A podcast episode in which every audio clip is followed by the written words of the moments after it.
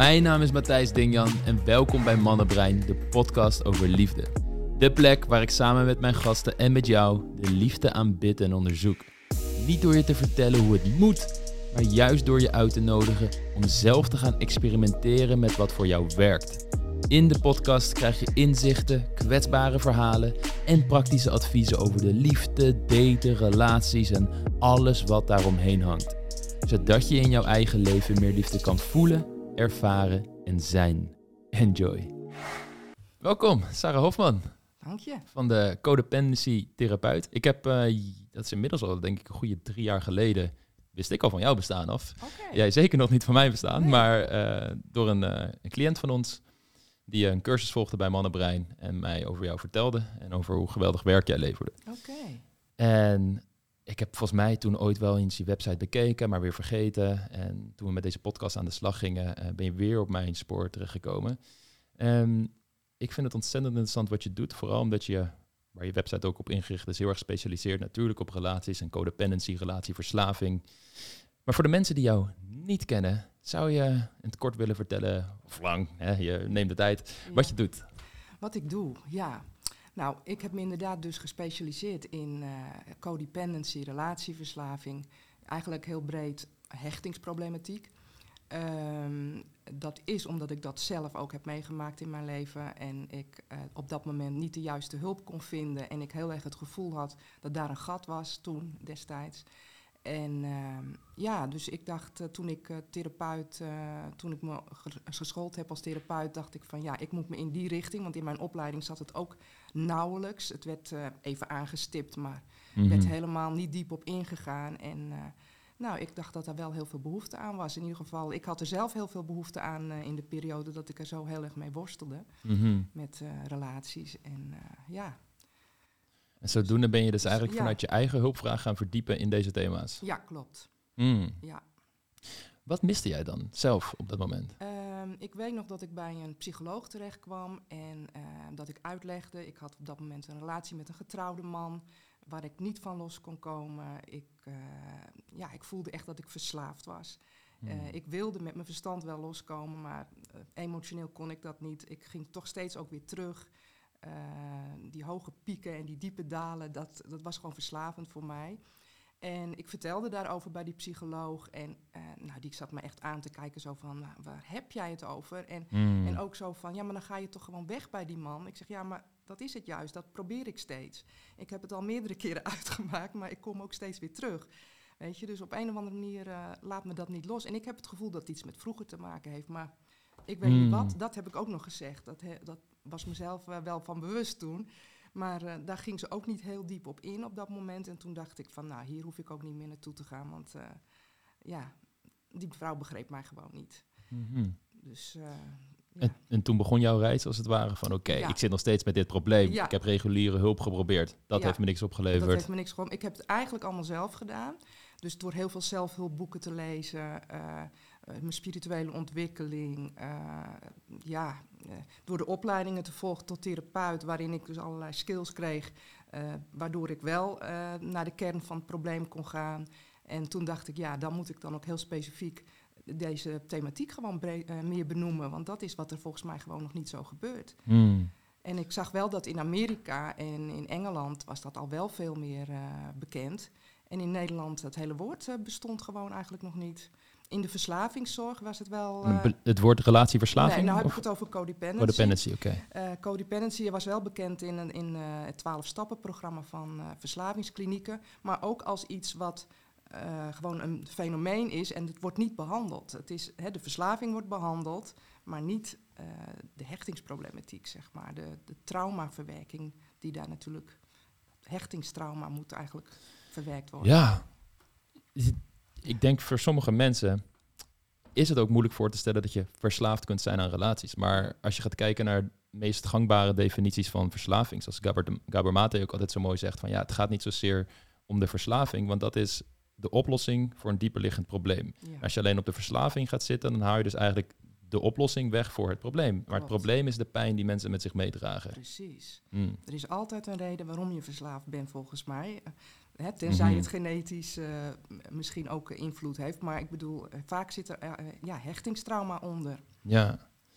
En hoe heftig dat kan gaan eh, voor mensen die het misschien moeilijk vinden om, vinden om voor te stellen. Eh, ik heb al dames bij me in eh, cliënten die bijvoorbeeld beschrijven van ja, rationeel begrijp ik Ja, dat deze relatie ik heb met deze man, die zelf verslaafd is, ja, ehm, agressief is, vreemd gaat, ik kan hem niet vertrouwen. Ik begrijp dat ik hier onder doorgaan. ja, Ik snap zelfs rationeel gezien dat ik geen kind met hem wil en niet met hem uit wil worden. Maar toch kan ik hem niet loslaten en draait heel mijn wereld om hem en sta Ja. ik weer voor hem klaar. Ik heb dames gehad eh, die zelfs vertelden van ja, de eerste keer dat ik me sloeg heb ik het toegestaan. Toen dacht ik, volgens mij als hij me helemaal in elkaar slaat, ga ik nog steeds niet bij hem weg. nee, Want ik wil niet alleen zijn. Of ik wil niet die angst dat ik een mislukking ben. Of ja, dat er niemand van me zou houden. Want dat is nog erger dan de pijn die ik in ieder geval ken. Ja, want het is vertrouwd, Hmm. vaak. Ja, Toen jij hier zelf mee aan de slag ging en deze hele ontdekkingsreis begon naar zelfheling, dus eerst voordat je er andere mensen mee ging helpen. Ik, hoe, hoe was die beginfase toen je echt nog met die verslaving kampte en die obsessieve gedachten had, de pijn wilde wegstoppen, stoppen? ja. ja, het was echt alsof ik gewoon in een trance zat. Zo zie ik het en zo leg ik het zelf nu ook heel vaak uit aan mensen. Het, je bent in trance, je bent in een soort, ja, net zoals een drugsverslaafde ook in een soort high, eh, high in een low voortdurend zit. Eh, je leeft gewoon weer naar je volgende high. Hmm. En eh, de lows, dan ben je wel heel verdrietig, maar je gaat niet echt door pijn heen. Je, je gaat gewoon zo snel mogelijk weer zorgen dat je weer een high krijgt.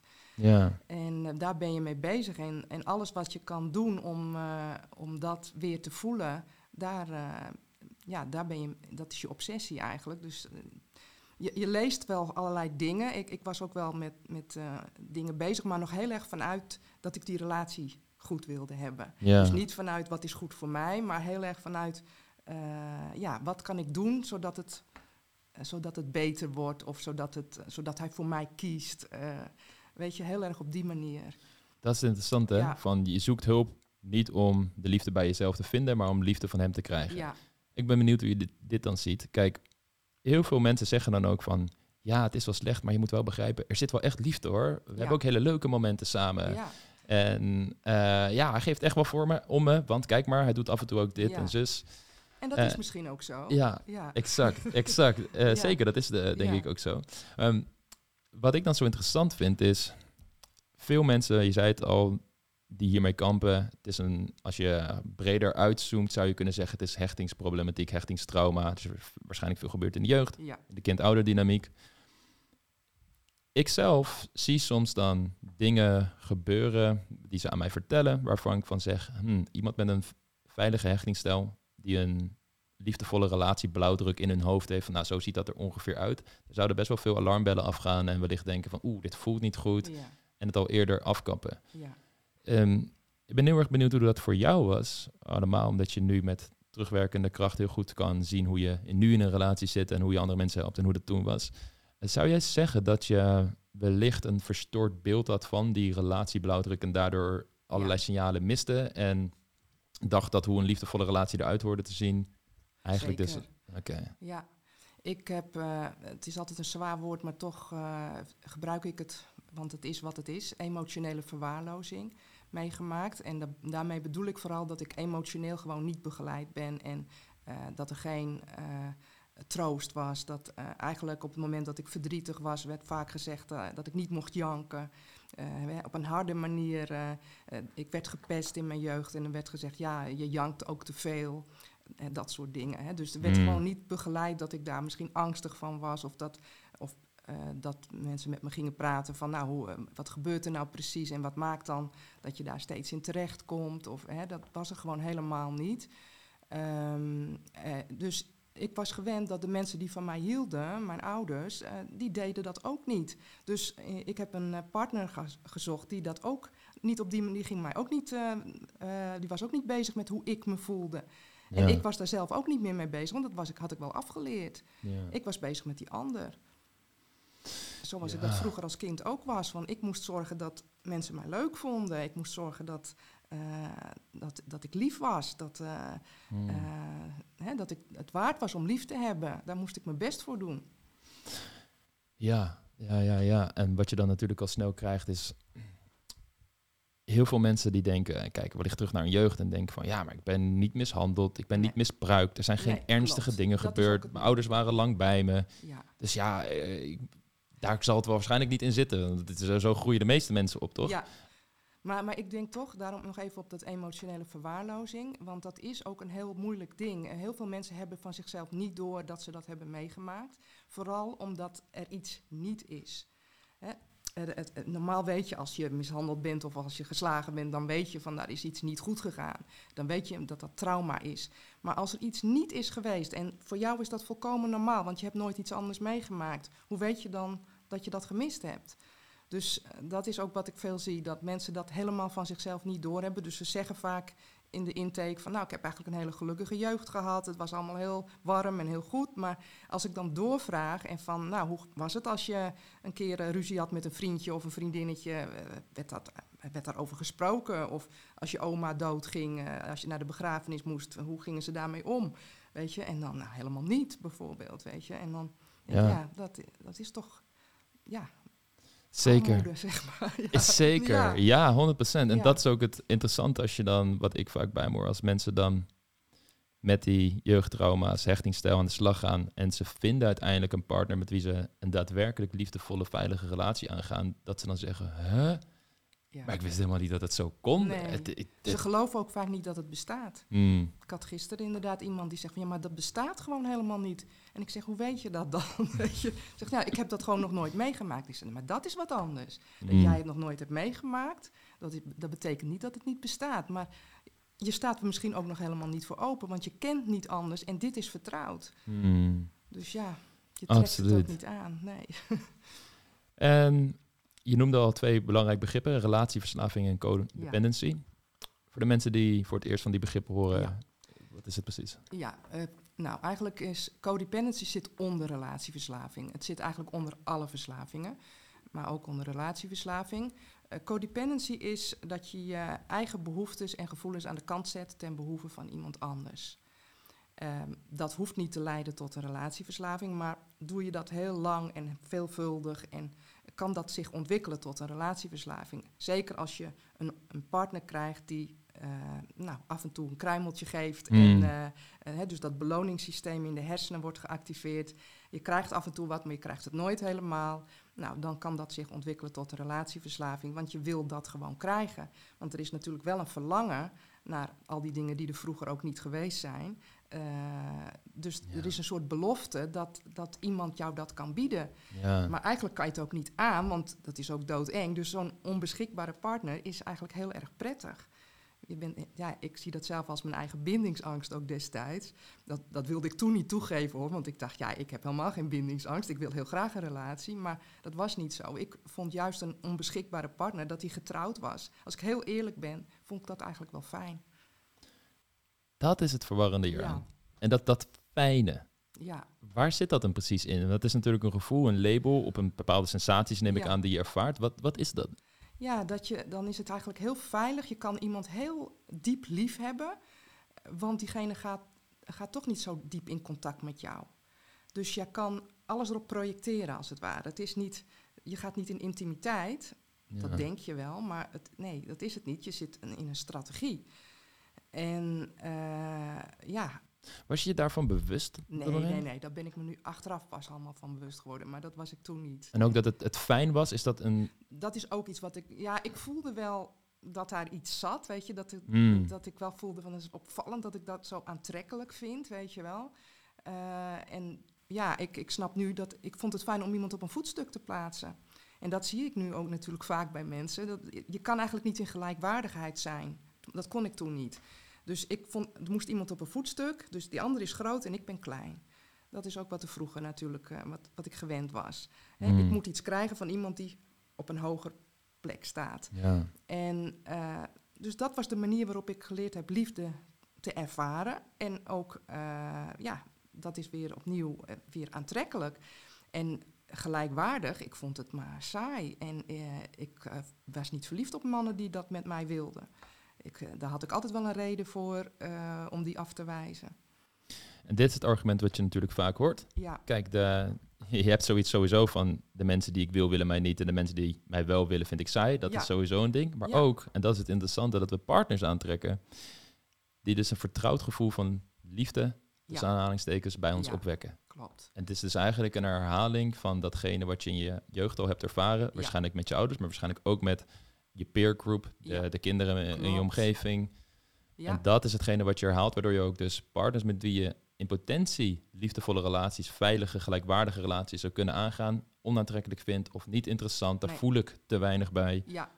En dat verwarren mensen dan, dat er dan niet genoeg liefde is. Ja, Terwijl ik denk, die liefde zou best kunnen groeien, maar dat, dat krijgt eigenlijk geen kans. Dat, dan moet je door je eigen pijn heen. ja. Mm. En dan kom je dus, en dat is het interessante, dezelfde mensen eigenlijk tegen die we allemaal tegenkomen, alleen jij filtert op een andere manier. Ja, waar iemand met een veilige hechting stelt zou zeggen... "Hmm, deze persoon die, eh, is waarschijnlijk niet al te goed voor mij. Laat ik dit maar toch maar afkappen. En misschien wel op een respectvolle manier. En ik zie echt wel dat het ook een leuk persoon kan zijn. En noem maar allemaal op. Maar ik weet gewoon dat ik daar niet gelukkig van word. Wat ik nodig heb in een relatie. En als iemand er niet aan kan voldoen... No hard feelings. Maar ik ga wel verder met mijn leven. ja. Hmm. Ja. Helder. En die relatieverslaving, daar zit codependency dus sowieso onder. ja. Wat is, hoe zou je relatieverslaving definiëren? Eh, als het echt een relatieverslaving is, dan zit echt dat obsessieve erin. Dus dan eh, is bijna niks meer belangrijk. Dan gaat de relatie helemaal voor. Eh, zelfs voor je werk, voor je vrienden, voor je familie. Eh, Mm. hè, net zoals bij een andere verslaving. Je bent daar gewoon mee bezig, geobsedeerd. Ja, het is een beetje dwangmatiger. Ja. Ja, Ik hoor dan ook wel eens van, vooral op het moment dat het bijvoorbeeld uit is. En dat die Ja. verslaving natuurlijk heel heftig is op dat moment. Want er komt nog eens liefdesverdriet bij. En de angst dat je weer alleen gaat zijn, komt er nog eens bij. Dat ik wel eens aan mensen vraag van, oké, wat zijn de dingen waar je nog gelukkig van wordt? En dat ze dan oprecht eventjes niks kunnen bedenken. Nee, nee. En ook zeggen van, ja, als ik in de natuur ga wandelen, denk ik aan hem. Als ik naar de gym ga denken aan hem. Wat ik ook doe, Ja. ik denk aan hem. Ja, nou hoort dat natuurlijk ook gewoon bij een normaal rouwproces. Ja. Hè? Dus ik vind dat ook wel een groot verschil. Hè? Zit iemand gewoon in rouw eh, en is dat nog heel vers, dan vind ik dat ook heel normaal. Ja, Maar is dat na een jaar nog steeds zo? Ja, dan is er natuurlijk wel wat meer aan de hand. Mm. En dan eh, denk ik meer aan dit soort thema's. Dat is een goeie inderdaad. Ja. Ik, ik noem het zelf dat je hebt gewoon liefdesverdriet en een soort liefdesverdriet plus. Waarbij Ja. er allerlei andere dingen worden aangeraakt Ja, die je meeneemt eh, in, de, in de pijn. Hmm. En, eh, en oké, op een gegeven moment, ja, je hebt dit redelijk voor jezelf in beeld van, nou dit zijn toch wel thema's waar ik mee worstel. Ik ga dit zelf doen. En je gaat ermee aan de slag. Je leest je in, je gaat opleidingen volgen. Het is een hele grote vraag die ik ga stellen, maar ik ga het toch doen. ja. Wat, is, wat zijn dan soort van de belangrijkste dingen die je in dat proces kunt gaan doen? Waar begint het bij?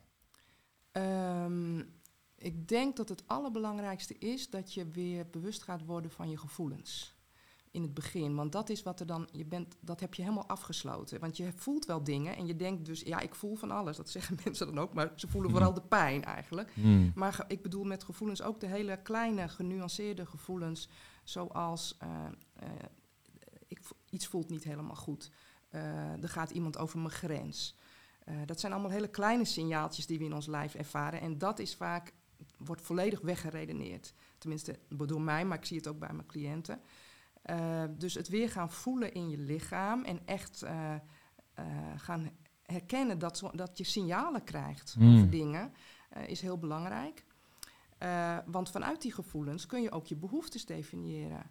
Als je die nooit definieert, kan je ook niet weten wat je wil en wat je, waar, waar je naartoe moet. Dus dan, hè, dan word je eigenlijk een soort van geleefd door wat er gebeurt en reageer je op mensen in plaats van Ja. dat jij zelf kiest van wat jij wil of eh, waar je naar verlangt of eh, waar je voor wil gaan staan. Dat kan je dan eigenlijk helemaal niet goed doen. Dus dat is denk ik een hele belangrijke stap. Hmm. Dus ik laat mensen altijd eh, een emotiedagboek bijhouden. Eh, niet alleen gewoon opschrijven van ik ben vandaag verdrietig, maar ook van waar voel je dat in je lichaam? Eh, hoe hoog op een schaal van 1 tot 10 is dat verdriet? Ehm, welke gedachten horen bij dat verdriet? Dus niet per se de volwassen gedachten, maar ook misschien de kindgedachten die je vroeger Mm. als kind had. Van eh, ik ben, blijf voor altijd alleen, of hè, dat soort, of het komt nooit meer goed, of dat soort gedachten. Want als je dat ook een beetje in kaart hebt, dan kun je ook veel makkelijker terug naar het trauma van vroeger. Eh, want dat is vaak één op één, kun je daar gewoon direct mee werken. als iemand dat zo helemaal uitgewerkt heeft. Hmm. Vaak zien mensen het zelf ook doordat ze het bijhouden. Van hé, hey, dit valt me op, dit komt steeds terug, het is steeds hetzelfde. Wat is dat toch? Ja, Ja, een soort emotioneel huishouden dat je in kaart gaat brengen Ja. bij jezelf. ja, Het is heel tekenend wat je zegt. Oké, ze moeten weer andere signalen, of eigenlijk de, ook, ook signalen gaan opvangen Ja. dan alleen maar de pijn en de angst. ja, Als ik terug ga naar het voorbeeld van de dame die zei van ja, ik denk zelfs als mijn vriend met elkaar staat dat ik bij hem zou blijven. Er zit sowieso een gevoel dat ze dat niet prettig vindt en dat Ja, ze dat naar vindt, dat ze voor zich op wil komen. Ja. Maar dat wordt dan als het ware dus overstemd door de angst van nou, misschien raak ik hem wel kwijt als Ja. ik ik toch voor het, mezelf eh, opkom. altijd uit elkaar. Het volwassen stuk en het kindstuk. Hm. Hè, die, de volwassen vrouw die weet wel dat het niet goed is. En die wil misschien ook wel bij die man weg. Ja. Maar het kindstuk is zo groot en zo aanwezig, dat eh, neemt het helemaal over. Dat volwassen stuk verdwijnt naar de achtergrond en het kind wil, ervaart alleen maar angst en is alleen maar bezig hoe kan ik, die, hoe kan ik ervoor zorgen dat ik dat niet meer voel. Eh, dus Mm. eigenlijk is het kind in de lead en de volwassene is, eh, ja, is eigenlijk eh, naar de achtergrond verdwenen. Mm. Dus Ja. je, je moet met, het, met dat innerlijke kind werken. Dan zou ik dan in ieder geval doen. Ja, nee, Ja, zeker, ja. absoluut. Absoluut. Daar ligt echt wel een- de sleutel naar ehm, de groei en de veilige relatieblauwdruk. ja, Het, het blijft een interessant thema, om- eh, omdat ik verschillende therapeuten, verschillende invalshoeken mee in aanraking kom. Waaronder bijvoorbeeld ook schematherapie, waar natuurlijk de gezonde volwassenen ontwikkelen een gigantisch belangrijk thema is. ja, Eh, en je ziet dat dat in contact komen met zelfbewustzijn, de zelfreflectie ontwikkelen om te weten wat er binnenin je speelt. Iedereen zegt dat eigenlijk wel. Dat is Dat wel, is de, wel de belangrijk. eerste, waarschijnlijk een van de eerste Ja. dingen die je moet gaan doen. klopt. Ik denk ook zelfs dat als iemand dat niet kan doen, dat, dat de therapie ook niet goed kan werken. Hmm. Het is essentieel dat je kan reflecteren en dat je kan terugkijken en dat je iets kan leren daarvan. Als dat niet zo is, hè, dus je blijft helemaal vastzitten in je patronen, ja, dan kom je er ook denk ik niet uit. Daar heb je toch echt een, een gezonde volwassene ook voor nodig. En de meeste mensen hebben die ook gewoon hoor, ook al denken ze soms van niet. Ja. Maar eh, ja, want ik denk altijd, het, het feit dat ze komen bij jou of bij mij, betekent al dat er een gezonde volwassene is. Hmm. Want anders dan ga je niet eens hulp zoeken. Absoluut. Hè? Dus Ja, je, je er brandt een vuurtje. Ja, je en weet moet- al dat het anders kan ergens. Alleen het is nog klein en het is nog, ja, je weet nog niet hoe. Maar eh, ja, als dat er wel is en je kan daarover nadenken, en je, dan, dan is er ook eh, iets mogelijk om, om dat kind te beteugelen, om het maar zo te zeggen, zonder dat het weg moet. Want het is heel belangrijk dat dat kind juist een hele belangrijke rol krijgt, vooral ook in het voelen. Ehm, maar wel onder leiding van de volwassen ik. Hmm. Ja, Ja, ja. Kun je je nog herinneren wat voor jou de eerste momenten waren dat die volwassene steeds meer aan het woord kwam? Ja, ik denk dat bij mij de volwassene er altijd al wel was, maar die had veel meer een observerende rol en niet zozeer een eh, die aanwezig, zeg Mm. maar. Ehm, ehm, wat, ja, sorry, wat was je vraag? De eerste momenten dat je wellicht be- nog van bewust van bent of die je kan herinneren, dat je dacht van, oh wacht even, dit is een soort nieuw gevoel in mij, een soort nieuwe stem die niet alleen observeert, Ja, maar ook echt aan het roer gaat staan. Ja, ik denk dat dat het moment was dat ik echt voor mezelf durfde te kiezen. Eh, dan, ehm, dat ik het gewoon echt uitgemaakt heb zelf. Ook al was ik nog echt wel in verdriet en vond ik het verschrikkelijk. En had ik nog de hoop dat doordat ik het uitmaakte, Ja. dat hij dan wel eh, die keuzes zou maken. Eh, maar het was wel dat ik dacht van, maar hoe dan ook, dit moet ik doen, want ik kom er anders, anders verandert er echt niks. Dus eh, ik zie wel wat er dan gebeurt. En dan, ik, ik spring in het diepe. En dat was natuurlijk voor mij toen heel moedig. En ik ben ook nog steeds heel blij dat ik dat wel gedaan heb. Want ik, had nog, ik heb zeven jaar ingezeten. Dus ik heb echt lang mee geworsteld. En ehm, ja, het was wel een, dat was een keerpunt toch. Hmm. Ondanks dat toen eigenlijk het proces pas echt begon. Ja, dat is, het is een boeiende, hè? Want Ja, hoe, ehm, had je daarvoor al relaties? En waren dat relaties die... Ja, hoe, hoe zag dat ja eruit? eigenlijk ook niet heel, eh, niet heel gezond. Niet zo eh, heftig als deze, maar eh, ik, ik had al heel vaak vakantieliefdes. Het, het was Mm. altijd vaak kortstondig, heftig, intens. Ik vond het altijd leuk als het iets moeilijks was. Ja, het liefst dat, dat het niet allemaal... Ik moest ervoor vechten. Ja. Ja. Mocht niet vond ik- natuurlijk gewoon Nee. gaan en genieten. Nee. Ja. De mannen die dat met mij wilden, die, eh, nee, dat, dat duurde niet lang. eh, dat, nee. ja, want je hebt natuurlijk met elke persoon die je ontmoet een bepaalde dynamiek. Ze halen weer bepaalde kanten binnen in jou Ja, naar boven. En dat is ook het, eh, het, het moeilijke, denk ik soms. Dat je kunt, stel, en daar ben ik benieuwd naar. Stel, jij was een man tegengekomen met wie het enigszins goed ging. En hij was, zag in van, hé, hey, ik zit zelf ook in een bepaalde Ja. dynamiek. Want dat is natuurlijk wat ja, je aantrekt. Tuurlijk, ja. En hij zou zeggen, ik ga aan mezelf werken. En hij gaat dat doen. ja. Eh, denk je dat dat een, een kans van slagen had dat jij daarin meegenomen werd? En dan misschien ook aan jezelf ging werken? Of moet dat Ehm, altijd helemaal van binnenuit komen vanuit een soort pijn die je zelf voelt? Of. Ik denk, als ik het dan puur over mezelf heb, dat ik daar toen nog niet aan toe was. Ehm, maar ik denk later, dus op het moment dat ik die keuze kon maken en ook nog niet zo ver was dat ik echt gezonde mannen aan kon trekken, maar dat ik er toen voor open had gestaan. Dus Mm, ik, ik moest, er moet een bepaalde bewustwording dan al wel eh, in gang gezet zijn. ja, En, en dan denk ik dat dat wel. eh, ik denk sowieso ook dat het kan werken. Dat dat natuurlijk heel. eh, iets wat nu heel veel gebeurt bij de meeste mensen. Dat ze wel eh, voelen dat er iets niet gezond is, maar dat ze het met diegene aangaan. En als die ander dat ook doet, ja, dan is er ook echt wel een kans van slagen. ja, dus een stuk verantwoordelijkheid en Ja. bewust. Nou, eerst bewust zijn dat er iets zit en dan daar verantwoordelijkheid over Ja. willen nemen van oké, Ja, ik ga ieder doen. voor zich. Ja. Dus niet op elkaar gericht blijven. Hè? Dus eh, dat is natuurlijk de valkuil. Maar jij geeft niet dit en ik, ik heb dit beho- deze behoefte. Maar wel ieder zijn eigen stuk eh, doen. Mhm. En dan delen met elkaar. Maar niet, eh, hè, zoals ik het altijd noem, je innerlijke kind aan die ander geven. Of eh uitleveren. Hier, verzorg jij mijn ja, kind maar. verzorg jij mijn kind en ik verzorg jouw kind. Ja, nee, dat is niet wat de bedoeling is. Duidelijk, ja, want dit hoor je natuurlijk vaak dat ook bijvoorbeeld dat de partner bepaalde verslaving heeft of duidelijk bepaalde negatieve patronen uitleeft. Ja, En dat het dan uitgaat, komen ze weer in contact en de partner zegt toch, oh maar ik heb zo'n spijt, dit keer gaat het echt anders. Ja. En misschien zegt hij wel iets wat hij daarvoor nog nooit gezegd had, namelijk Nee. ik wil oud worden met jou. Ja. En dan, dat geeft je dan hoop, want dan denk je, oh maar dat heeft hij nog nooit gezegd. natuurlijk. Dit keer is het echt anders. Ja, Wat zou je dan tegen mensen zeggen van oké, weet je, dit kan werken. Het hoeft niet per se dat het allemaal nep is, maar wat moet er in ieder geval echt gebeuren, wil het een kans van slagen hebben?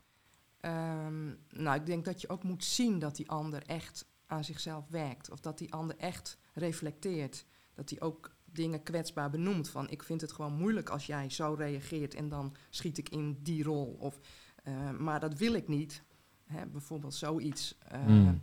Dus dat, dat iemand echt nadenkt over wat, wat diegene zelf doet. En niet alleen maar eh, over de partner heeft. Ja, niet alleen maar jij zeurt, Ja. maar Ja, hey, ik merk dat ik merk... ik soms in zo'n dynamiek terechtkomen. Dit Ja. is mijn aandeel, dit Dit is is- volgens mij jouw aandeel. Ik ben benieuwd hoe jij dat ziet. Ja, dan, kan, dan is er wel iets mogelijk, Ja. denk ik. Ja. Wat natuurlijk voor veel mensen toch aanvoelt als een soort eh, hogeschool van communiceren Ja, voor dat moment. Het is ook zo natuurlijk. Ja, En daarom vind ik het ook, dat is misschien wel gek dat ik dat zeg, maar ik ben ook niet zo iemand die heel snel zegt van je moet het uitmaken met, met, eh, met die ongezonde partner. Ik heb altijd zoiets, ik heb heel veel respect voor het proces waar iemand in zit. Hmm. Ik weet bijvoorbeeld dat ze in verslavingsklinieken, waar ze wel met relatieverslaving werken, dat als een voorwaarde stellen van nou, je moet eerst de relatie uitmaken en dan gaan we je behandelen.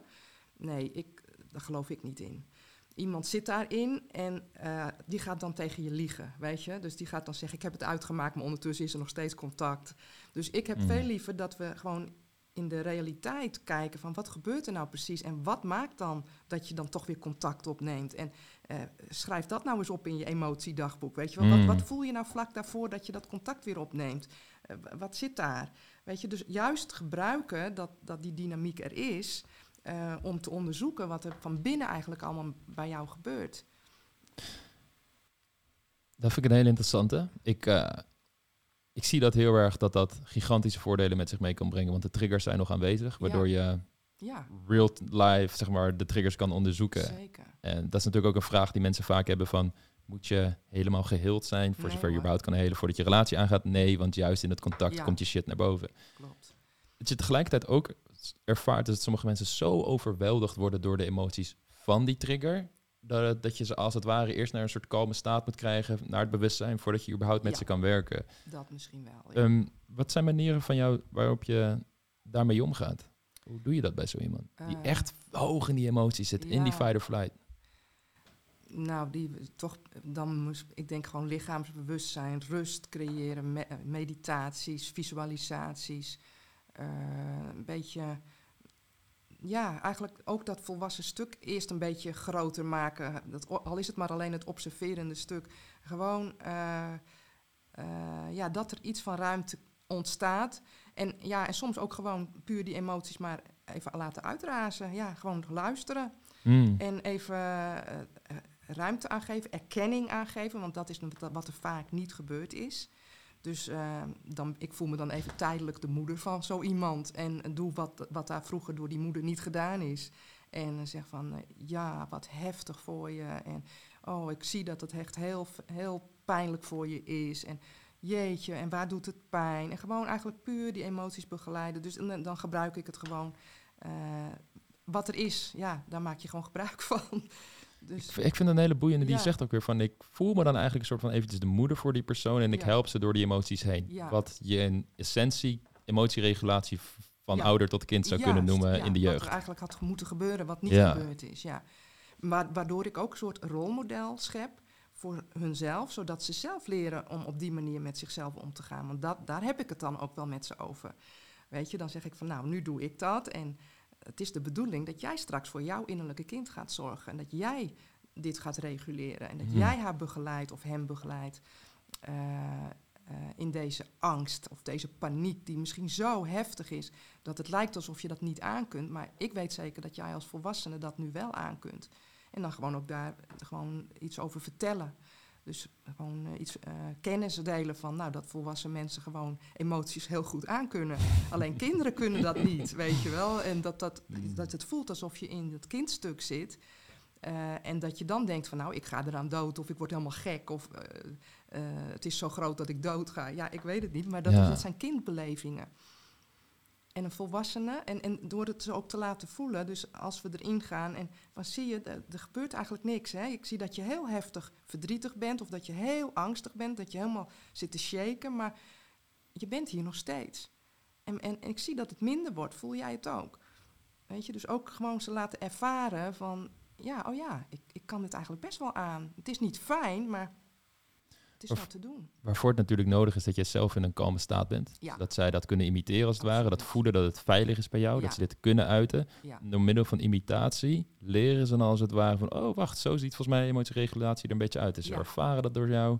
En in plaats van dat ik duizend gedachten hebben, heb over hoe vervelend dit verdriet is... Ja. dat het enige wat er is, komen er opeens een paar gedachten bij... ja, met, oh, maar kan dit misschien wel aan en emotieregulatie, noem maar Ja. op. Waardoor dat vuurtje ontwaakt en groter wordt. En al die Mm. gedachten die er eerst zijn, hè, die, die, die angstgedachten, zeg maar, dat, ik dan, dat probeer ik dan wel te stoppen. Dus te zeggen van, nou zullen we even niet denken, voel maar gewoon even alleen. Weet je wel? En oh ja, en dan komt weer, dan, oh, daar komt hij weer. Weet je wel? Dus dat benoemen. En, en, en dan ga er weer naar terug, weet je wel? Mm. Zodat ze ervaren, oh ja, dat doe ik dus ook steeds. En dat die gedachten mij ook elke keer in, dat, eh, in die emotie brengt, weet je wel? Dus als we de eh, gedachten even opzij zetten, of ik, ik, ja, ik maak er meestal een deel van jou is die gedachten. En dan zet, ik- zet ik dat gewoon even op twee meter afstand, zo even hè, Hmm. met een gebaar. Ja. En dan sta, kijk er nou eens naar en dat het op een afstandje staat. En hoe voelt het nou als je zonder die gedachten bent? Dus jij bent meer dan alleen die gedachten. Wie ben jij zonder dat? En dan is er ook veel meer kalmte en veel meer eh, rust om gewoon echt te, te gaan voelen en te kijken wat er nou eigenlijk gebeurt. Wie ben je zonder je gedachten? Ja, Blijft toch wel de, de hamvraag natuurlijk van veel filosofische eh, Ja. stromingen. En wat ik steeds meer merk is dat sowieso in het Westen dat we steeds meer met meditatie, mindfulness, Oosterse eh, filosofieën bezig zijn met boeddhisme. ja, Maar, dat je, maar ik proef het ook heel erg als ik ehm, bijvoorbeeld met schematherapie, therapeuten praat of wat dan ook, van die gezonde volwassene is eigenlijk waar, als het ware een soort van dat observatiemechanisme wat ze in het boeddhisme zo noemen, van Ja. je kan kijken naar die andere Ja. delen. Als je een stoelentechniek doet en je zet het kwetsbare deel, de kritische ouder en de gezonde volwassene, dan ben je het eigenlijk ook, ook aan het dat uit elkaar trekken. heel veel doe. Ja, Hmm. ja. Tegelijkertijd, eh, als je hier, zelfs als je hier de technieken kent, Ja, veel dingen bij jezelf geheeld hebt, ervaar je natuurlijk nog steeds thema's en triggers in dit leven. Ik Ja. herken dat zelf ook. Ik heb nog steeds mijn eigen dingen. ja, En wat ik wel merk is, als ik ga zitten en ik ga toepassen, dat ik ermee om kan gaan. Ik, ik denk dat dat, eh, ik, vind, ik ben benieuwd wat jouw kijk daarop is. Is, ja, je hebt echt wel een soort van trauma's, overweldiging, fight or flight modus. ja. En je hebt, oké, ik heb nog steeds thema's in mijn leven. En die kunnen me echt wel verdriet, stress, boosheid veroorzaken. Maar wanneer weet je nou van, oké, dit is echt een soort probleem waar ik hulp voor moet zoeken. En wanneer is het gewoon een gezonde menselijke ervaring die we allemaal hebben? Ehm, ik denk dat het sowieso eh, gezonde menselijke ervaringen zijn. Ja, goede maar, maar om daar goed, even- ehm, zeker. ehm, wat ik zelf soms ook nog verbaasd van ben, dat mijn eigen technieken mij ook gewoon weer kunnen helpen zonder dat ik ze direct toepas. Want eerst Mm. heb ik ook mijn, mijn mechanismes. Maar dat ik dan denk, oké, wat, wat doe ik nou met een cliënt die hiermee komt, weet je wel? En dat ik dan, oké, ja, het is inderdaad weer mijn kind. Het is inderdaad weer mijn criticus. Ik moet even daarmee in conclaaf. En doordat ik dat zo vaak en de hele dag eigenlijk doe, eh, kan ik dat zelf ook eh, vrij gemakkelijk toepassen. Mm. Maar eh, wel iedere keer weer dat ik ook verstel sta van die technieken, van hoe goed ze werken. Weet je, zon- zonder dat ik ze zelf meteen. eh, Ja. eh, hè, dat heb je niet voortdurend paraat natuurlijk. Dat is ook als je zelf in zo'n overweldigende emotie zit, dan is het er natuurlijk even niet. Ja, ja, ja. En dat is ook oké. Van, oh ja, ja, het gebeurt niet even. Ik hoef Het niet... even. Maar, maar kun je er dan eh, daarna ook weer naar kijken en wat moet er dan eigenlijk gebeuren? En ja, misschien moet je dan even weer door je trauma eh, pijn heen. Eh, eigenlijk is dat Mm. het meestal wat ik eh, zelf ervaar. Meestal moet ik er even om huilen of meestal moet ik nog even, even echt voelen wat er nou met me gebeurd is en even plaatsen. Dat, ik heb toevallig laatst met een psycholoog ook dit gesprek gevoerd van... Wat je zegt, soms moet je er ook gewoon even doorheen. Ja. Eventjes huilen. Ja, en misschien even boos zijn. ja, En dat is, dat is oké. juist. Zeker. Is- eh, Precies, dat Ja. is oké. Alleen we leven natuurlijk in een samenleving waarbij je van 9 tot 5 op een kantoor zit. En als jij even gaat huilen of Ja. eventjes boos bent en de boel bij elkaar schreeuwt, daar gaan mensen wat van vinden. Ja, Dus je bent dingen aan het onderdrukken vaak ook, of in ieder geval niet aan het voelen op dat moment, zodat je zeker. Gewoon je sociale relaties kunt onderhouden. Nou, s'avonds ga je misschien naar de voetbal. Nou, dan is het ook niet gebruiken dat je eventjes een potje gaat huilen tijdens. Dus je, je bent dan als het ware, er moet ruimte zijn om dat te ervaren. Klopt. Dus die ruimte moet je soms zelf maken. Hmm. En dat moet je soms echt even in je eigen veilige omgeving doen. En Ja. kan niet altijd eh, inderdaad op. ja, eh, eh, ja, het zou wel kunnen. Ik zou het heel krachtig vinden als je het zou durven. Maar, ja. maar natuurlijk, dat- is niet wat. ja, sociaal is dat natuurlijk niet wat gewenst is. Maar goed, aan de andere kant denk ik ook van. is ook een onderdeel van het patroon, hè, dat we altijd maar sociaal wenselijk gedrag willen vertonen. Ja. En eh, ik vind het eigenlijk altijd wel mooi als iemand eh, toch even iets authentieks laat zien. Waarom zou dat niet kunnen?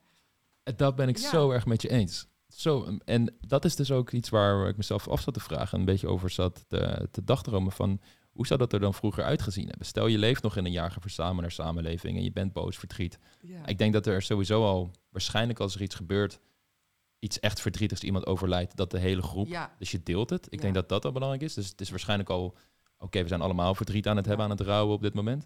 Maar ik denk waarschijnlijk, ik kan me voorstellen dat het ook normaler is om af en toe gewoon een, een emotie Ja. te laten zien, waardoor de auto- emotie automatisch al meer ruimte krijgt dan het snapt. dat zie je natuurlijk ook al in andere culturen. Ik bedoel, ik kom zelf veel in Griekenland. En, Mm. Maar in Zuid-Europa is het natuurlijk al veel normaler om heftige emoties te laten zien. Daar, daar lachen we gewoon om van, oh, hij, heeft even, hij is even boos. Of, eh, weet je, of eh, ja, hij is pittig. Of, eh, Ja, Weet je, en dat, dat vinden we dan mooi. En hier in Nederland, of in het Westen, is het natuurlijk wel, wel veel meer vanuit de ratio. En we moeten alles toch wel onder controle hebben. En ja, ik denk dat dat ook cultureel is gewoon. ja, ja. Waar zie jij dat zeg maar heen gaan? Zou dat, is dit, de- weet je, mensen die hier naar luisteren, die hier misschien zich in, in herkennen ook van, ja, ik merk dat bij mezelf ook wel, maar ik zie niet zo snel een oplossing, Nee. dat er per se een oplossing moet zijn, Nou, maar wa- Wat ik wel zie, en dat, ik hoop dat dat zich doorzet. Ik heb wel het gevoel dat de laatste tijd eh, dat emoties en kwetsbaarheid veel meer mag. Ik zie het op tv, in praatprogramma's. Mm. Er wordt veel meer, nou ja, de hele Me Too. Er wordt veel meer over trauma en over dingen gesproken. En het lijkt, er lijkt meer respect voor te zijn. als je dat eh, twintig jaar geleden, dan was dat echt not done. Dan Mm. vond je iemand eh, snel al een zielig figuur als die iemand Mm. over zijn problemen begon te praten. Of, hè, dat, dat, tenminste, dat herinner ik me nog wel. Dus ik heb wel het gevoel, en dat is denk ik ook de nieuwe generatie, dat er toch wel veel meer kwetsbaarheid er mag zijn. Ze vinden het allemaal wel heel moeilijk, maar eh, eh, ja, mensen zijn authentieker of kunnen het zijn of willen het zijn. Ik, misschien is het ook iets van, van willen. Eh, ze laten zich niet meer zo in dat keurslijf. Mm. Wat, wat vroeger denk ik wel meer gebeurde. Ja. Van dat sociaal wenselijke.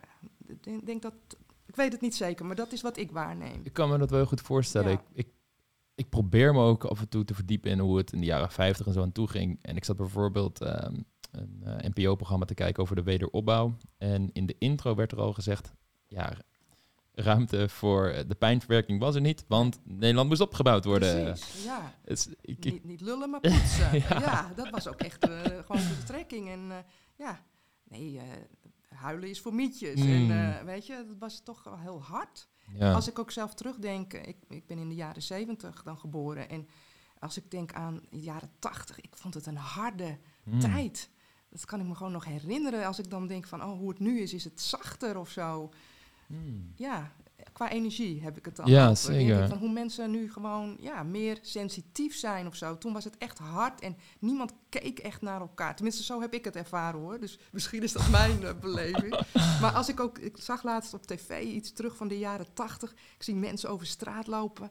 Ik denk, ja, dat was echt anders. Mm. Het was echt anders hoe mensen met elkaar omgingen. Ja, ik geloof dat wel. En dat is ook iets. Veel mannen die bij ons komen. eh mannenbrein is natuurlijk datingadvies en relatieadvies voor vrouwen. Maar we hebben ook Traction Gym, dat is dating en relatieadvies voor mannen. Ja, En ten eerste is het heel grappig om te zien dat de meeste mannen komen bij ons voor aanspreekangst. Niet weten hoe je een vrouw Oh ja. aanspreekt, op date krijgt en noem Ja. maar, maar op. Maar een van de allereerste dingen die we doen is ze überhaupt bewust maken van die angst. ja, Omdat je anders weer een façade, een masker aan het opdoen bent om weg te lopen van de angst. Dus een van de eerste dingen die we doen is, ga maar voelen bij jezelf. Wat zijn de sensa- sensaties van die angst? Hè? Is het een druk in je borst, misselijk Juist. gevoel, brok in je keel? Waar zit het? Oké, kan je het toelaten?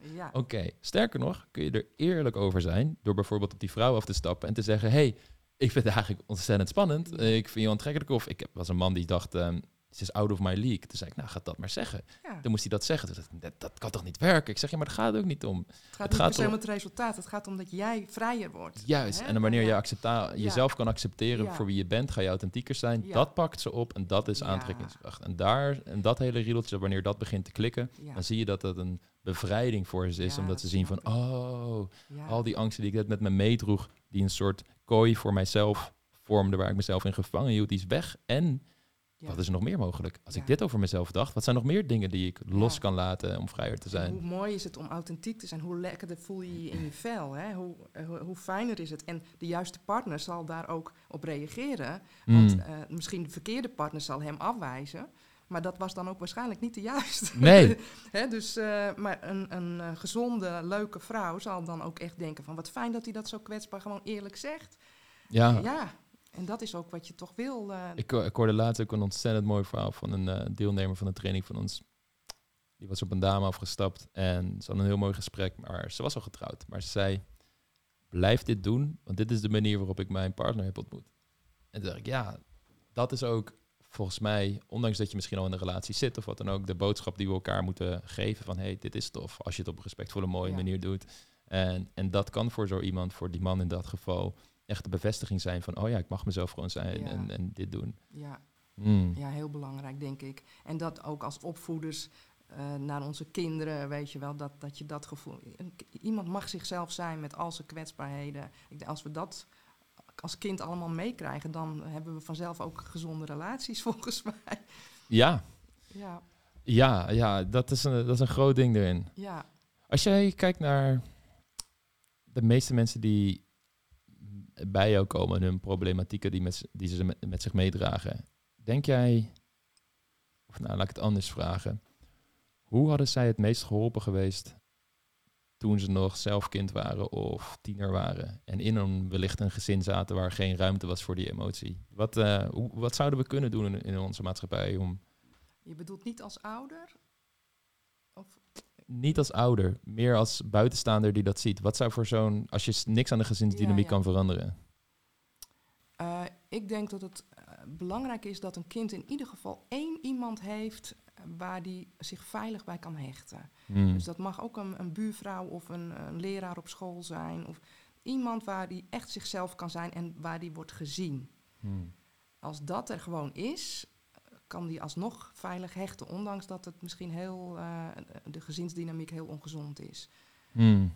Daar geloof ik heel erg in. Dus als iemand ergens een plek heeft eh, waar die eh, echt gezien wordt, waar die begeleid wordt, waar die, die zichzelf mag zijn, waar die gestimuleerd wordt in groei, ja, dan komt het toch wel goed, denk ik. Hmm. Het zaadje is dan als het ware geplant. Hij heeft Ja. een, een, of hij heeft, zij heeft een beeld gekregen Ja. van hoe veilig hechting eruit kan zien. Precies. Die ervaring moet er eigenlijk zijn. Ja, want dat je, je Ja. kan dan als het ware de voorstelling daarvan maken en inchecken met je gevoel. Voelde dat ongeveer? Ongeveer zo. Oké, dan wil ik dat zo mijn relaties, als ik eenmaal uit huis kan, Ja, zich vorm gaan ja geven. dat denken ze natuurlijk niet bewust, Nee. ik. Maar, maar wel, eh, nou Ja. ja. gewoon, eh, vaak eh, hoor ik het ook wel bij mensen dat... Hè, dan is die gezinsdynamiek heel ongezond. Maar dan- dan vraag ik ook van, nou, was er iemand buiten het gezin waar je dan terecht kon? En dan, nou, dan was er vaak wel zo iemand. Of het was de, de, de moeder van een vriendje of vriendinnetje. Of, weet je, en, en Ja. ik was heel veel daar. En eh, ja, dan denk ik, oh wauw, dat was echt geweldig voor jou. Weet je Mm. wel, dat je daar terecht kon. Hmm. En dat heeft eh, dan echt heel veel gedaan. Dat zijn hele goede Ja. hulpbronnen. Ja. Voor mensen die eh, dit nu allemaal al horen en zich wellicht herkennen in relatieverslaving, codependency. Een eerste belangrijke stap is dus bewustwording van oké, wat zijn de emoties die er door mij heen gaan? Wat zijn de sensaties dat er kunnen, kunnen laten zijn? Ja. Hoe ga je vanaf daar verder? Ehm, nou, en dan is traumaverwerking denk ik gewoon een heel belangrijk onderdeel. Dus als iemand daar dan ook klaar voor is, van nou zullen we kijken dat wat jij nu heel vaak meemaakt, wat overweldigend voor je is, wat dat te maken heeft met vroeger. En dat we daar ook echt letterlijk weer naar teruggaan. Dus door EMDR of innerlijk kindwerk. eh, dat je jezelf als het ware weer terugziet in een, als een, in een filmpje. Dat je daar weer staat of, of zit of ligt. En Hmm. eh, die emoties alsnog weer voelt. Maar misschien voelde je ze niet eens als kind, omdat het zo overweldigend was. En je eruit bent gegaan, hè, dus gedissocieerd bent. Of eh, een, al een strategie hebt toegepast, die je nu nog steeds toepast. Dus dat, we, dat ik ze ga leren van als je nou die strategie dan nu niet meer toepast, wat zou je dan ervaren? Dat is natuurlijk heel angstig. Maar daar stap voor stap gewoon toch naartoe gaan en dan merken dat je dat dus nu wel kan dragen. En eh, dus daarin ook geef ik dan heel veel bevestiging van eh, hè, doe het met je volwassen lichaam. Nu kan je het aan. Dit is wat je nooit hebt kunnen voelen. En nu doe je het, weet je wel. Dus heel erg ook bemoedigen dat dat kan. En als ze er dan doorheen gaan, eh, zeker met EMDR, ja, dan wordt die lading gewoon een stuk minder. Hmm. En, ja, en dat maakt natuurlijk dat ze niet meer zo in die strategieën hoeven eh, te verdwijnen. Want als je de angst of de, de andere pijnen gewoon aan kunt, de eenzaamheid of de verlatenheid, als je dat kunt voelen en tegelijkertijd dan die volwassen ik daarbij kunt halen, want dat is de, hè, dat kind ervaart het dan weer opnieuw en de volwassen ik haal ik er dan bij. Kun je dan ook, wat heeft dat kind dan nodig? Kun jij dat nu voor jezelf, kun jij daar nu op die manier voor jezelf zijn? Ja, een eh, vergelijking die vaak gemaakt wordt, is natuurlijk een vergelijking met een eh, immuunsysteem, waarbij het zo is dat als je een klein beetje ziek wordt, word je er sterker van en kan je meer zeg maar, van die ziekte aan. Alleen wanneer je overspoeld wordt of je bent net verzwakt door andere dingen, is het te veel, als het ware, en word je overweldigd. Ja, Dus dan moet je manieren vinden om, oké, Ja. hoe krijg ik het weer iets wat kalmer, iets rustiger. En vanaf daar ben je eigenlijk bestendiger. Ja. Samen, ik zeg altijd, over, we doen het samen. We- en je mag elke keer zeggen van ik ga er even uit. We, hè, want dat doen ook die overlevingsstrategieën, doen dat ook voortdurend. Dus Mm. daar vertrouw ik inmiddels ook gewoon wel op. ja, weet je, dan zeg ik, oh, daar is je strategie weer. Nou, wat mooi dat je die hebt, want zo heb je het altijd overleefd. Eh, ga- Mm. laten we daar even dankbaar voor zijn, weet je wel. En dan zetten we hem weer even aan de kant. En dan gaan we weer proberen we weer een stapje verder te maken. Ja, soms gaat dat sneller en soms gaat dat heel langzaam. Maar het is allemaal oké, want het, gaat zo lang, het duurt zo lang als het duurt. Zo'n prachtig proces. Ja, Dat dat mogelijk is, is sowieso geweldig. mooi eh, ja, want uiteindelijk wil het lichaam dat ook. Hè? Het- daar vertrouw ik ook. Je hebt het toch dat eh, zelfreinigend vermogen. Het lichaam wil ook dan die emoties ervaren. Want dat is waarom we eigenlijk ook die partner steeds weer aankiezen. Onbewust willen we dat natuurlijk gewoon weer, want we willen daar doorheen. Mhm. Dat hebben we niet zo door, maar ik denk dat we daarom vaak die partners aantrekken die weer precies dezelfde thema's naar boven halen als uit onze jeugd. Want Ja. we willen het natuurlijk verwerken. En we hopen het dit keer wel te kunnen. Ja, ja. En als ik je goed begrijp, dan is het dus vooral de angst om diezelfde pijn uit het verleden weer te ervaren, Ja, die de overlevingsmechanismes in stand houdt. ja. Ja, en die overlevingsmechanismes, ja, die zijn natuurlijk vaak heel sterk. En daar kom je soms echt niet doorheen. En dat, ik ga, maak er dan altijd mensjes, persoontjes van. En dan gaan we daar gewoon mee praten. Van, nou ja, dan praat maar vanuit wat, die, wat dat stemmetje dan allemaal zegt. En dan terugpraten, weet je wel. Mhm. Dus gewoon echt kijken. En, of vertel me eens van, eh, eh, maar waarom ben jij er voor, eh, Pietje? Of, eh, Mhm. Hè, en wat doe je dan allemaal? Oh, wauw. Dus ook gewoon erkenning en ehm, eh, dankbaarheid daarvoor tonen. En dan kijken, van, maar zou je ook iets anders voor hem willen doen? Mhm. Zou je, of zou je misschien een stapje naar achteren willen doen, zodat Pietje wat meer zichzelf kan zijn? Want zie je dat hij inmiddels groot en volwassen is en dat hij misschien nu dat wel aan zou kunnen? Nou, soms willen die delen dat allemaal niet natuurlijk. Maar goed, dan hebben we daar een gesprek over. Ja, ja, ja. En wa- wat heb je nodig om dat wel te kunnen? Nou ja, dat kan soms een hele eh, onderhandeling zijn. Ja, het is een goede onderhandelaar zo, Ja. die ideeën vaak. Ja, absoluut. Ja, ja, jij werkt er neem ik aan ook wel mee. Ja, zeker. Nee, ehm, en ik vind het ook heel interessant wat er af en toe gezegd wordt. ehm, gewoon vanuit die overlevingsstrategieën. Van hoe Ja. eh, creatief ze eigenlijk ook kunnen zijn. Ja, zeker weten. Ja, boeiend. Mhm. En hoe ze, als je daar inderdaad vanaf kan stappen, hoe meer creativiteit er een andere manier in je, licha- in je le- leven weer vrij Ja. kan komen. En vreugde en plezier en vaststandigheid, consistentie. Ja, Want er zit eigenlijk zitten er heel veel mooie eigenschappen aan een overlevingsstrategie. ja altijd. Hè. Er is ook altijd een positieve intentie natuurlijk. Ook al is het gedrag nog zo destructief. Dat is soms wel even zoeken, hè, maar, maar ik denk dat die er altijd is. En eh, ja, er zitten kwaliteiten in natuurlijk, die je op een gezondere en mooiere manier ook in kunt zetten. Ja, Ja, wat dat betreft, als, als je echt sterk in een overlevingsstrategie zit, je hebt ook overtuigingen tegelijkertijd van, nee, maar ik kan nergens echt op focussen of eh, ik kan niet echt doorzetten. Ja, moet je eens kijken hoe je in bepaalde Ja. gebieden van je leven heel erg consistent Ja. bent, doorzet en focust. Ja. Mm. ja, En een, eh, een ander ding waar ik voor de, voor de uitzending al vroeg van, hey, ehm, hoeveel, wat is het percentage ongeveer van mannen versus vrouwen die je hebt? ja. Nou, ik denk ongeveer eh 70-30. eh, ik denk dat je dat wel zo kan stellen. En soms wel wat meer, dus dan gaat het meer naar 60-40. Dus 40 mannen, 40% mannen. En eh, de meerderheid toch nog wel vrouwen. Hmm. We Maar- hadden het toen over van, nou, op de oppervlakte zijn misschien de symptomen anders of verwoorden ze dingen anders, maar meestal daaronder zitten spelen dezelfde thematieken. Ja. Hoe ziet dat eruit? Wat zeggen mannen bijvoorbeeld aan de oppervlakte misschien anders dan dat vrouwen zouden doen, als er al verschillen zijn?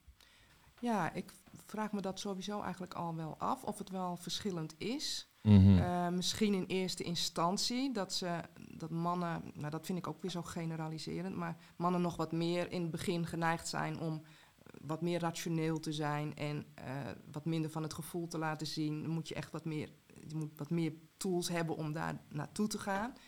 Maar als dat eenmaal zo is, denk ik eh, dat het eigenlijk niet zo heel veel verschilt. Mannen ervaren dezelfde angsten, ervaren dezelfde eenzaamheid, verlatenheid. eh, ja, nee, het is misschien dat vrouwen misschien wat meer gewend zijn om gevoelens gewoon te tonen, dat ze daar eh, dat het meer mag of zo. M- Meer vertrouwd mee zijn dan mannen. Ik zie dat, dat vaak wel nog bij, zeker wat oudere mannen. Dat het, als ze dan ook huilen, dat het heel schokkend is. Soms nou heel, dat je ziet, oh, dat is toch gewoon echt nog nooit gebeurd. Of, of heel weinig, weet je wel. Dus dat is misschien een verschil. Ja. Maar ik denk dat het verdriet niet eh, minder of meer of anders is. Nee, dat denk ik niet. Wat ik ervaar ook is dat de meeste vrouwen die heel heftig verdriet hebben ook heel sterk in hun hoofd zitten. Maar ik, Ja, zie, tegelijk, ik zie het verdriet tegelijkertijd. Terwijl bij de mannen heb ik soms het gevoel, ja, je zit net zo hard in je hoofd. Maar wat je zegt inderdaad, ze zijn wat minder gewend om die Ja. emotie die er ook bij zit Ja, tonen als ja, het ware. ze duwen het sneller weg. Ja. Ja. Je ziet het wel, maar je moet wel beter Ja. kijken. Ja. je ziet het wel, ja. Ja, ja. Je ziet vaak somberheid, Ja. verdriet in de Ja. ogen, de Ja. lichaamshouding. Ja. Mm. Maar je moet ze er meer alert op maken, denk ik. Van, hé, hey, wat slik je nu weg? Of ik zie dat er iets gebeurt bij je. Kun je eens vertellen? En dan, nee hoor. Mm. dat kan in het begin, denk ik, nog wat meer. Maar dat hebben vrouwen ook eigenlijk. Mhm. Dus ja, ik weet eigenlijk niet of dat nou wel heel zo verschillend is. Nee, Ik, ik herken dat dus, Ja. dus zelf ook best wel. Dat, dat, dat verschil als je naar die type thema's gaat. Dus Ja. dat, eh, ja, het is verwaarloosbaar als het er al is. En als het is, is het waarschijnlijk inderdaad meer vanuit gewenning. Doordat ze... En dit, dit is sowieso geldt niet voor iedereen. Al, al veel te zwart-wit. Maar dat bijvoorbeeld mannen net wat vaker te horen kregen. Grote jongens huilen niet. precies. Dat bij vrouwen dat het net iets wat meer was toegestaan. Ja, dat, Eh. dat is misschien... En dat is dan weer cultureel bepaald. Maar ik denk niet... ehm, nee, Hmm. Zou ik... eh, nee. Nee, ik, ik, heb het, ik heb hetzelfde. Heb je het gevoel dat er meer mannen tegenwoordig ook openstaan voor, Ja, eh, Dat hiervoor? zeker, ja. Ik heb veel meer mannen eh, in mijn praktijk dan vroeger. Ehm, maar ik merk ook dat de mannen die komen ook al veel verder in hun proces zijn dan dat ze vroeger bijvoorbeeld waren toen ze hulp zochten. Dus ehm, eh, ja, dat, dat mannen al heel veel met spirituele ontwikkeling bezig zijn, dat ze mediteren, dat, ze, dat was vroeger niet zo.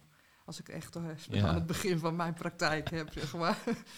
Eh, ik ben in 2007 begonnen. Nou, dat was in die periode echt nog niet zo eh, gebruikelijk, maar nu wel. Ja. ja. We hadden het er al even over dat dat de trend is die we wel lichtelijk in de samenleving überhaupt zien. Dat mensen hier meer mee bezig gaan. Spiritualiteit, meditatie, mindfulness, retretes, Ja. zweethutten. Alle prachtige dingen die er, die er beschikbaar zijn Ja. om met deze thema's aan de slag te gaan. Ze ja. lezen meer boeken, eh, psychologische boeken, waar dat vroeger allemaal werd dat weggezet als eh, Ja. belachelijk of zo. En nu zie je toch een ma- mannen dat ook allemaal lezen. Mhm. Ja, ik merk dat ook wel. Ja. Ehm, bij de mannen die ons eh, om datingadvies vragen en relatieadvies vragen. En tegelijkertijd merk ik ook dat ze soms eh, bij vrouwen heb ik er minder over nagedacht, maar ik ben benieuwd hoe het bij hun zou zijn. Is dat ze af soms ook een, eh, als we in termen van Carl Jung praten, een archetype missen van hoe zo'n kwetsbare man die ook nog Ja, mannelijk is en wel met, met, met vrienden gewoon grappen kan maken en af en toe hard kan zijn misschien. eh, dat daar een, een worsteling plaatsvindt. dat van dat hoe, is misschien zo, ja.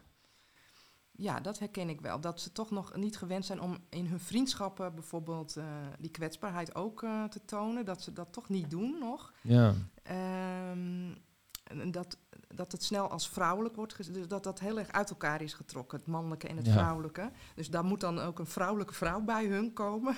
ja. om dat stukje eh, te compleet eh, Mm, maken, zeg maar. die Dat- energieën te voeden. ja, Ja, dat, dat eh, is wel wat ik soms zie. Dat ze dat nog heel erg buiten zichzelf zoeken in plaats van van, van binnenuit. Ik, zie, ik zelf herken dat ook wel. Ik ben dat, ik, van mijn huis uit ben ik niet gewend dat mijn vader bijvoorbeeld, ik hou van je tegen je zegt. Oh nee. Hij liet het zien. En het liefst kocht hij iets voor me. ja. ik, niet dat ik verwend ben, maar als we bijvoorbeeld op, op vakantie waren, ja. dan zag ik daar echt plezier in. Want ik zag, dit is hoe hij zijn liefde aan mij uit. Hmm. En ik vond het vroeger heel moeilijk om, eh, en niet bewust moeilijk, maar toen ik er later, toen ik een beetje eind tiener, 19 werd, ging ik er wel over nadenken van ja, hoe wil ik eigenlijk dat mijn vader was? En toen had ik zo'n gevoel van ja, ik wil eigenlijk wel die diepe gesprekken met hem. Maar dat was allemaal projectie vanuit mij, dat ik dat per se van hem nodig had Ja, om die liefde te zien. En later zag ik van, oh wacht, hij doet het al. Kan daar nu meer rust in Ja, vinden. En nu merk ik dat, hij, eh, dat we daar gesprekken over kunnen Ja, hebben zelfs. En dat dat het gewoon gebeurt. ja, en. Ik, eh, en ik zie het nu dus. Ik zie de manier waarop die liefde aan mij toont. Terwijl ik dat vroeger misschien anders oppakte. Omdat ik een beeld had van hoe ik wilde dat mijn vader zou zijn. Ja, Eh, maar dat zette me wel heel veel aan het denken van... Oké, wat voor ga- vader ga ik zijn? Hoe wil ik dan met mijn kinderen omgaan? En Ja. hoe past dat Ja, binnen... maar, want hoe is dat bij jou dan? Uh, Dat je, jij hebt ook die ontwikkeling dan doorgemaakt en jij leeft in deze tijd wat Ja. meer. En eh, was het voor jou dan veel makkelijker om wel kwetsbaar te zijn? Heb jij zelf die ervaring? Of vond jij, eh, was dat toch nog moeilijk als man? Absoluut moeilijk. Ik weet nog dat mijn moeder ook tegen mij vertelde, rond rond mijn zeventiende was dat. Ja, ik had toen ook wel, ik spijbelde veel en zo. Ik was nooit een probleemleerling, want ik, ik was gelukkig wel goed met leren. Maar ik kwam wel aan de problemen, vechtpartijtjes en dingen. Zo. En ehm, kwetsbaarheid tonen, dat was niet iets wat ik deed. Omdat mijn beeld van een man was toch wel eh, validatie en respect afdwingen door middel van twee dingen eigenlijk. Een beetje gewoon stoer zijn. Mhm. En het tweede ding was ook goed met vrouwen zijn. Dat Ja. waren de dingen van, nou, als je Oh, dat ja. hebt, dan krijg je aandacht van andere Oh, mannen ja. en sta je hoog in de sociale hiërarchie. Tot ik gewoon uh, rond mijn 17 ook wel echt een keer goed in de problemen kwam. En dacht van, oh, maar dit is helemaal niet hoe ik mijn leven wil leiden. Hoe wil ik dan zijn? En toen ben ik letterlijk dingen gaan doen van, van oké, in plaats van dat ik in het openbaar een soort van boos of stoer kijk, ga ik gewoon glimlachen naar mensen. Echt kleine, hele kleine dingetjes om... Ja, echt experimenten. ik ga de buschauffeur gedag zeggen en vragen hoe zijn dag is.